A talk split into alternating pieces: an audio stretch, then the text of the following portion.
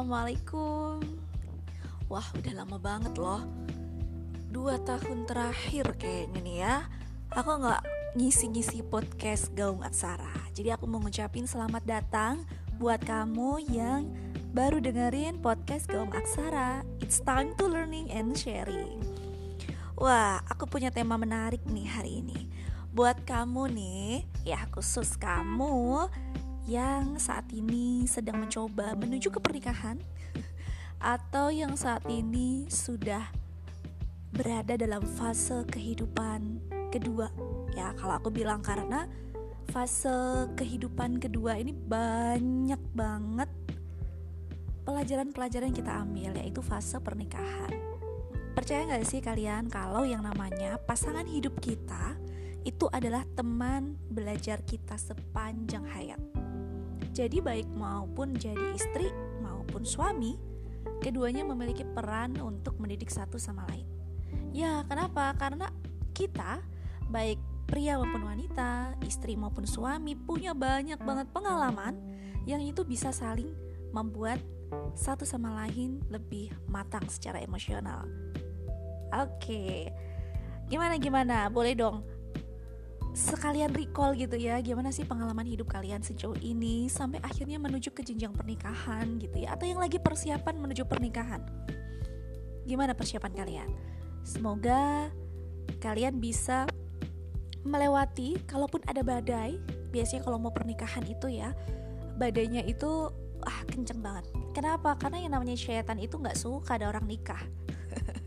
Aku ingat banget tuh kata-kata uh, supervisor aku. Jadi uh, seseorang yang aku anut gitu ya.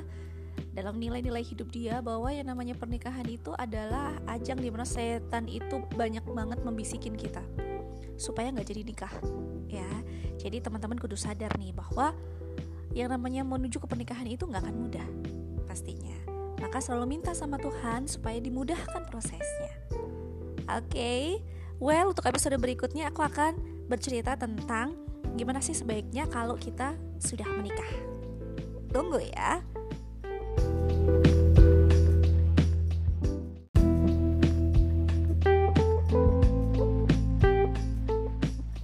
Nah, balik lagi nih. Kita hari ini membahas tentang teman belajar kita sepanjang hidup, fase kisah suami dan istri.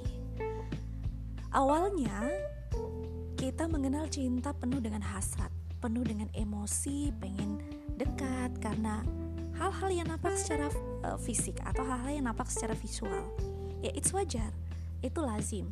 Cinta menggebu ini membawa manusia berbeda latar belakang kepada uraian visi misi pernikahan. Akhirnya nih, terjalin ikatan suci dalam janji pernikahan. Nah, perjalanan saling memahami sering kali terasa sulit pertengkaran, air mata, kekecewaan silih berganti dengan keintiman, senda gurau, dan kepuasan. Jadi wajar kalau pada fase-fase setahun pernikahan itu adalah fase-fase di mana kamu perlu mengenal dan sadar bahwa aku juga perlu dikenali lebih lanjut oleh pasanganku. Jadi fase adaptasi itu satu tahun. Gimana kalau misalkan sudah pacaran lama banget gitu ya sebelum menikah? Nah, ada kalinya kalian tetap harus mengenali pasangan kamu karena bisa jadi perilaku-perilaku yang dimunculkan sebelum pernikahan akan berbeda dengan perilaku yang dimunculkan setelah pernikahan. Iya dong, kenapa? Karena kalian hidup bersama nih sekarang. Kalian berada dalam satu rumah, satu atap. Pasti akan muncul aktivitas-aktivitas yang kok gini sih gitu. Atau kok dia ternyata jorok ya gitu. Hal-hal yang tadinya malu ketika di uh, perlihatkan gitu ya di depan kamu ketika pacaran akan menjadi hal yang lumrah kadang lucu. Nggak apa ya karena sesungguhnya begitulah hidup dengan segenap perasaan di dalamnya. Semuanya akan silih berganti suka dan duka. Jadi nggak ada tuh yang namanya suka terus terusan atau bahagia terus terusan keduanya akan datang silih berganti. Berulang kali mengingatkan diri bahwa pernikahan adalah sekolah seumur hidup.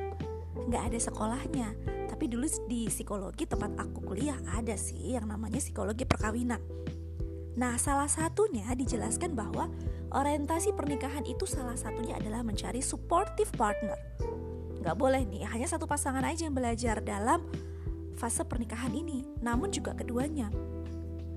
Keduanya percaya dan sadar bahwa aku harus belajar. Aku juga harus mendidik pasanganku. Jadi yang mendidik gak cuma suami aja atau istri aja loh ya, tapi keduanya sama-sama beriringan sejalan selangkah untuk sama-sama belajar supaya sama-sama mateng nih. Gitu, oke. Kita akan lanjut lagi di episode berikutnya.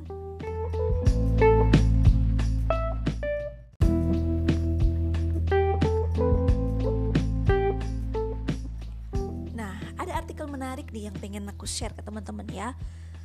Waktu itu artikelnya judulnya gini, kebijakan rumah tangga dirancang wanita diumumkan pria. Menarik ya, dirancang sama wanita tapi yang mengumumkan pria. Napoleon pun pernah berkata waktu itu, apa yang dibangun pria selama 100 tahun dapat dihancurkan wanita dalam satu hari. Wah, dahsyat ya kekuatan wanita ya. Mari terus belajar menjadi istri yang arif, menyentuh emosi suami secara perlahan-lahan. Jadi kalau misalkan suami punya keputusan-keputusan, mungkin itu keputusan tidak dirasa benar, ya sampaikan saja pertimbangan kamu apa, bagaimana kamu melihat keputusan suami, apa pendapat kamu. Masuklah ke dalam ketidaksadarannya. Dengan begitu kamu akan menghipnotis perkataannya sehingga yang keluar itu bukan kedikdayaan seorang pria, melainkan sebentuk kebijaksanaan dan kelembutan hati. Nah, karena inilah warna-warna wanita. Jadi kalau wanita udah menyampaikan dengan baik, dengan kelembutan hati, suami menangkap dan suami menerima hal-hal keputusan-keputusan yang tadinya nampak sulit untuk diterima apabila disampaikan sama suami. Nah, ini bisa lebih lebih mudah disampaikan. Tapi ingat bahwa yang mengumumkan tetaplah pria karena pria punya harga diri sebagai seorang suami. Biasanya di masyarakat pria ini dikenal sebagai pembuat keputusan suami ini dikenal sebagai pembuat keputusan. Dia sebagai nahkoda kapal keluarga kita. Suami dikenal sebagai seseorang yang punya layar lebih tinggi dari perempuan secara stereotip di masyarakat.